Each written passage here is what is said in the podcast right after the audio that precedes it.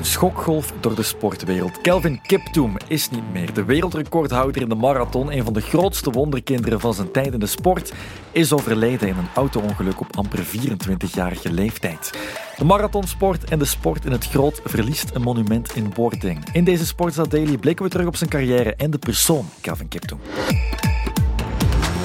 Onwerkelijk en uh, zo verschrikkelijk om met deze nieuws wakker te worden. Ja, toch wel uh, shocking eigenlijk. Dus uh, het is iets dat je totaal niet ziet aankomen. Bashir Abdi en Koen Naert, collega's van Kiptoum met de marathon, hadden het maandagochtend of zondagnacht uiteraard ook heel moeilijk met het nieuws.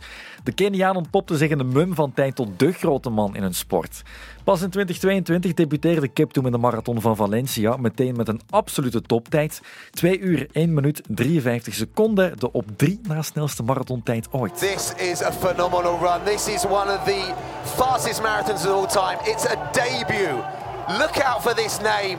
It is here to last a few years. Kelvin Kipton is the winner of the 2022 Trinidad Alfonso Valencia Marathon. In april won hij de marathon van Londen met de tweede snelste marathontijd ooit. 2.01. 26 officieus, slechts 17 seconden boven het wereldrecord van Elliot Kipchoge dankzij een fantastische laatste 12 kilometer wint hij ook zijn tweede marathon. En op 8 oktober 2023, amper een paar maanden geleden, brak Kip toen het wereldrecord in een tijd van 2 uur en 35 seconden in zijn derde wedstrijdmarathon. Kelvin Kiptoen, hij wint hier in Chicago. Maar in de nacht van 11 op 12 februari liet Kiptoen het leven in een auto-ongeluk. Een veel te korte carrière van een man die een marathonmiddels gevierd wordt voor zijn bescheidenheid en grote trainingsdiscipline. Samen met zijn collega's Bashir Abdi en Koen Naert en onze atletiekcommentator David Naert blikken we in deze podcast terug op de Keniaanse wonderman. David Naert, goedemiddag. Hallo. Tragisch nieuws vannacht. Kelvin Kiptoum, ongetwijfeld een van de beste atleten ter wereld. Baanbrekend in de marathonsport. Ook op hele jonge leeftijd. Plots is hij niet meer. Ja, het is uh, schrikken als je wakker wordt met zo'n nieuws.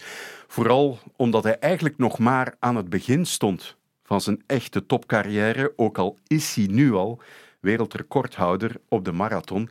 Maar er lag nog zoveel in het verschiet. Een prachtig duel wellicht in de Olympische marathon in Parijs. Misschien een eerste marathon, officiële marathon binnen in een tijd sneller dan twee uur. Als er iemand het had gekund, was het wellicht Kiptoum geweest. En het is iets wat we helaas nooit zullen achterhalen of het hem was gelukt of niet. Dat gaan we jammer genoeg inderdaad nooit weten, maar het leek er alle schijn van te hebben. En vooral, hij had het waarschijnlijk nog gedaan op zijn 24ste. Ja, hij is uh, merkwaardig jong hè, om zulke snelle tijden al te lopen op een uh, afstandsnummer als de marathon. Maar het is niet dat hij uit het niets kwam. Hè. Hij liep op zijn dertiende in Kenia al een eerste halve marathon. Hij grossierde trouwens op de halve marathon ook in snelle tijden. Uh, rond het uur, sneller zelfs. Dus dan hoefde het op zich geen verbazing te wekken dat hij ook op de marathon sterk voor de dag kwam. Maar de manier waarop, dat was echt om uh, van achterover te vallen. In Valencia, hij was net 23 jaar geworden. We zitten in december 2022. Wat een marathondebuut daar. Hij wint in 2 uur, 1 minuut en 53 seconden. Dat is onwaarschijnlijk. Mm. En als je ook kijkt naar de manier waarop hij zijn wedstrijden, zijn marathons loopt met negatieve splits. Dus tweede helft van de marathon altijd sneller lopen dan de eerste. Ja, dat is uh, fenomenaal, duizelingwekkend. Drie keer een marathon gelopen, drie keer onder de twee uur en twee minuten gefinished. En finaal, nog niet zo lang geleden, dus dat wereldrecord in Chicago, 2.00.35 dan ga je dromen natuurlijk van een marathon onder de twee uur. En dat deed hij ook. In april zou Kiptoum de marathon van Rotterdam lopen en daar had hij vooraf al aangekondigd dat hij graag zou winnen, uiteraard, maar ook dat hij zijn persoonlijk record nog eens wilde verbeteren. I'm coming to Rotterdam to beat my Barcelona best, uh, and I think it's it's part of my preparation towards Olympics. I think my connection with Rotterdam is has been it was good. Uh, I came here 2019 to do a pace job. Uh, I enjoy the city, I enjoy the coast. The coast very flat, the cheering. Yeah, and uh, I'm ready to be part of the history. Kiptoum wilde deel van de geschiedenis van Rotterdam worden, maar er zal het dus bij zijn dromen en uitgesproken doelen blijven. Een klap voor de familie en vrienden van Kiptoum en ook voor de collega's. We belden met Bashir Abdi. Ik, ik, ik was eigenlijk niet lang geleden wakker. En op het moment dat ik mijn gsm aanstak, ja, was er allerlei berichten die binnenkwamen. Um, vooral van atletiek wereld en van journalisten. ik wist niet, ik heb, eh, ik heb nog nooit zo wakker geworden met zo'n volle berichten. Meestal na prestatie wel, maar nu ja, het is echt verschrikkelijk om, om al eerste berichten te lezen. En uh, plotseling heb ik, allez, wist ik niet wat ik moest geloven. Ik dacht ik van, zijn we in 1 april of een grap van 1 april of zo? En dan begon ik zijn naam te googlen en dan, ja, dan zie je dat werkelijk zo is. En stond op alle op alle websites. En, toen, allee, toen kwam een beetje te besef en, en de, wordt de verdriet gewoon nog groter. Abdi bereidt zichzelf natuurlijk voor op de Olympische marathon in Parijs. Daar had hij zich voorgenomen om ook tegen Kiptoum te strijden. Ja, nu, ik denk dat vandaag vooral sport of uh, wedstrijden bijzaak zijn. Ik denk gewoon, ja, hij was, hij was een jonge kerel uh, en ja, dat was de man die iedereen opkeek. Dus uh, ik denk dat de hele sportwereld, vooral atletiek, eh, vandaag in rouw is. En uh, ik vind het verschrikkelijk dat, hij, dat we hem niet meer, ja, dat we niet meer kunnen zien of niet meer kunnen samen gaan lopen. Um, ik, uh, ja, ik, ik, ik, ik heb echt geen woord voor. Ik, vooral de, ja, ik vind het echt verschrikkelijk, want ik heb die jongen zoveel dichterbij gezien. Hij was altijd een vrolijke jongen, altijd zo lachend, altijd zo grapjes. Hij was altijd zo nooit bezig met de prestatie of met de wedstrijd zelf. Zo altijd zo grapjes aan het maken over iets anders dat totaal niks te maken heeft met uh, op dat moment met atletiek. En het is gewoon verschrikkelijk om, ja, om hem niet meer te hebben, om hem niet meer te zien komende jaren. Ook bij Koen Naert, onze andere marathonloper in eigen land, werd het deze morgen heel stil. En Naert zat dan ook in het thuisland van Kiptoum, bezig aan zijn eigen voorbereiding. Ook het feit dat ik hier momenteel in Kenia ben. Uh, ja, het was, het was, het was heel tragisch nieuws en eigenlijk ja, vol ongeloof. Dus uh, ja, dat, dat net zo iemand dit moet, uh, moet overkomen, uh, dat is natuurlijk wereldnieuws. Iemand die uh, als een komeet de lucht is ingeschoten. Ehm, werd ons van, werd ons gisteren ontnomen. Dus uh, ja, het komt echt wel hard aan. En ja, we moesten toch wel eventjes uh, processen om, uh, om dat te kunnen verwerken. En uiteraard komt het daar in Kenia nog heel wat harder aan. Ja, toch wel. Um, ik zeg, ik ben vanmorgen alleen gaan lopen. Dus um, ah, ik ben niet direct gaan aansluiten bij een Keniaanse groep. Maar er waren natuurlijk wel wat groepen aan het trainen. En um, overal, iedere groep, ja, het, het gespreksonderwerp was, was Kelvin Kiptum. dus ik denk wel, ik had hier ook net vernomen van de, de heel bekende coach Renato Canova, dat er verschillende groepen aan het kijken zijn om, uh, om vanmiddag naar uh, ja, het dorp van, van Kelvin Kiptum te reizen. Um, dus ik denk wel dat er hier ja, de komende tijd nog van alles zal georganiseerd en op poten gezet worden. Um, het is nu nog een beetje koffiedik kijken, het is allemaal nog heel nieuw. Um, ja, heel pijnlijk allemaal voor, uh, voor die atleten hier. Kelvin was iemand waar dat iedereen naar opkeek natuurlijk. Een jonge gast die Kenia ja, verder op, op de wereldkaart zette. Dus ja, ja, ik ben benieuwd uh, ja, hoe dat het hier verder uh, zal verlopen. Kiptoum was nu al een groot figuur in zijn land en in de marathon- en sportwereld. Nochtans lag de perfecte basis voor een grote sportcarrière er niet zomaar. Ja, hij is uh, eigenlijk nooit op de piste actief geweest en dat heeft met zijn uh, afkomst te maken. Hij is eigenlijk in armoede opgegroeid in Kenia. En hij legde nadien zelfs uit van, uh, ja, het was niet dat ik uh, niet wilde op de piste wedstrijden gaan lopen, maar ik had gewoon de financiële middelen niet om naar al die wedstrijden toe te reizen. En dus is hij noodgedwongen op de weg gaan lopen. Nu, dat hoefde in zijn geval dus uh, geen handicap te zijn. Dat hebben we gemerkt in zijn veel te korte carrière met wat hij daar uit de schoenen komt over. Het was werkelijk uh, fenomenaal. Zijn eerste officiële wedstrijd die hij liep, die heeft hij trouwens op geleende schoenen moeten lopen. Om maar te zeggen dat het verre van evident was voor uh, Kelvin Kiptoum uh, om een topatleet te worden. Maar hij is het dus wel geworden. Uiteraard snelle tijden gelopen, mede dankzij die supersnelle schoenen ook wel, de Vaporfly. Maar die schoenen verklaren echt niet alles. Het was een fenomenaal talent, het grootste marathontalent dat we misschien in ons leven zullen zien. Wie zal het zeggen? Maar uh, ja, een geweldig verlies. Het grootste marathontalent, vertelt David. Bashir Abdi kende hem al een hele tijd, maar één keer liepen ze samen een marathon.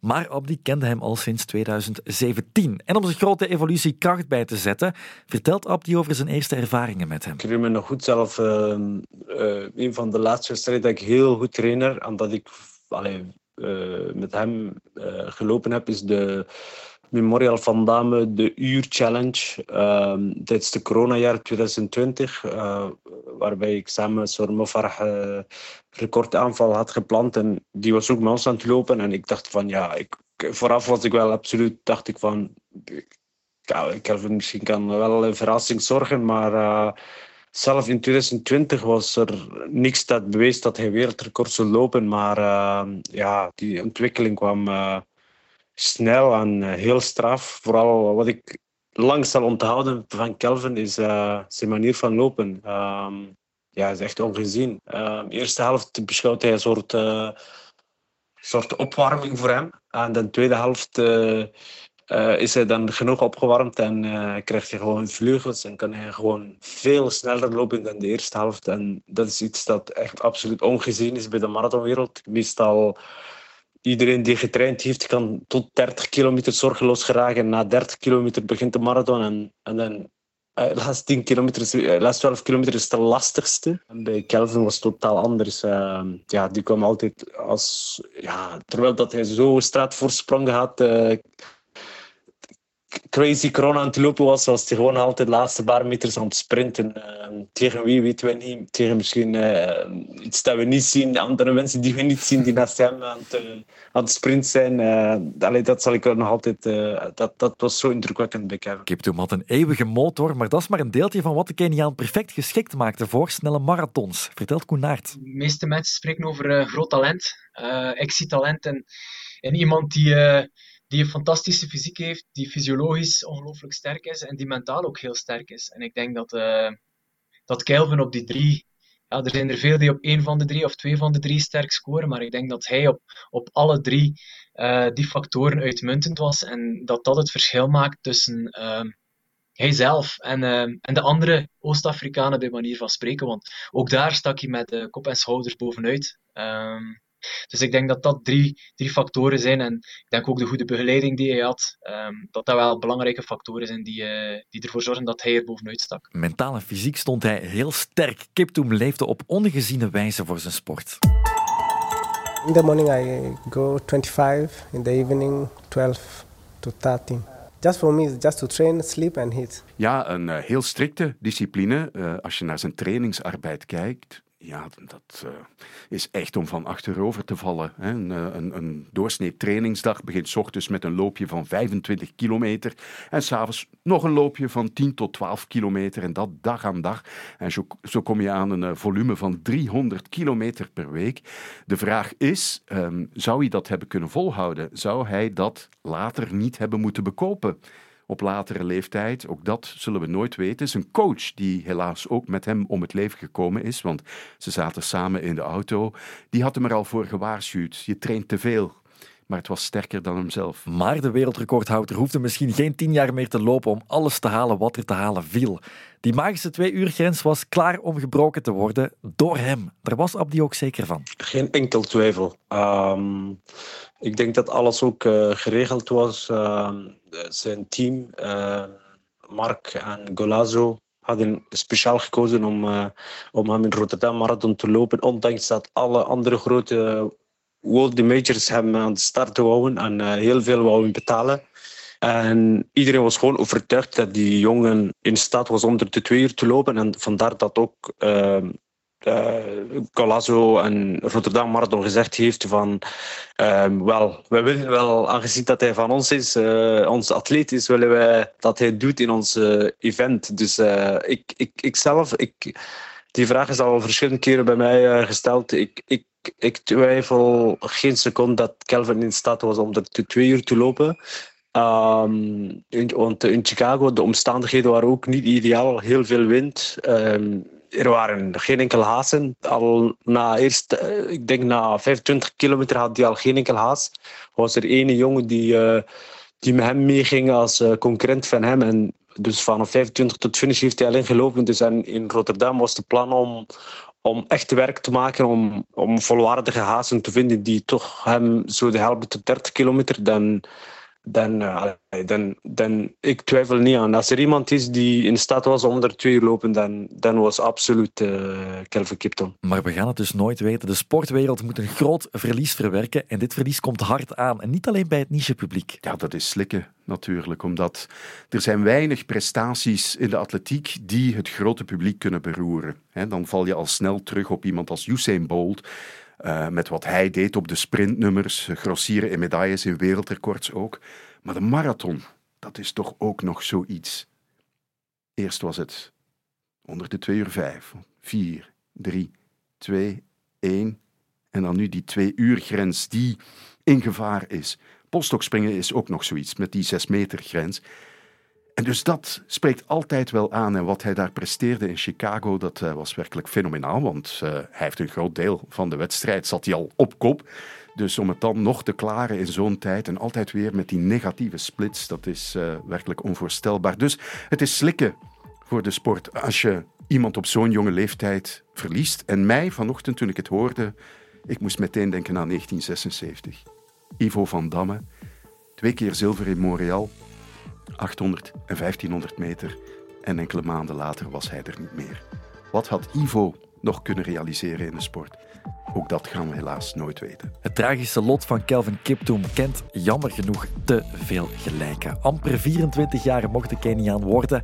Wereldrecordbreker zal hij altijd blijven. Tot morgen voor een nieuwe Sportsatelliet.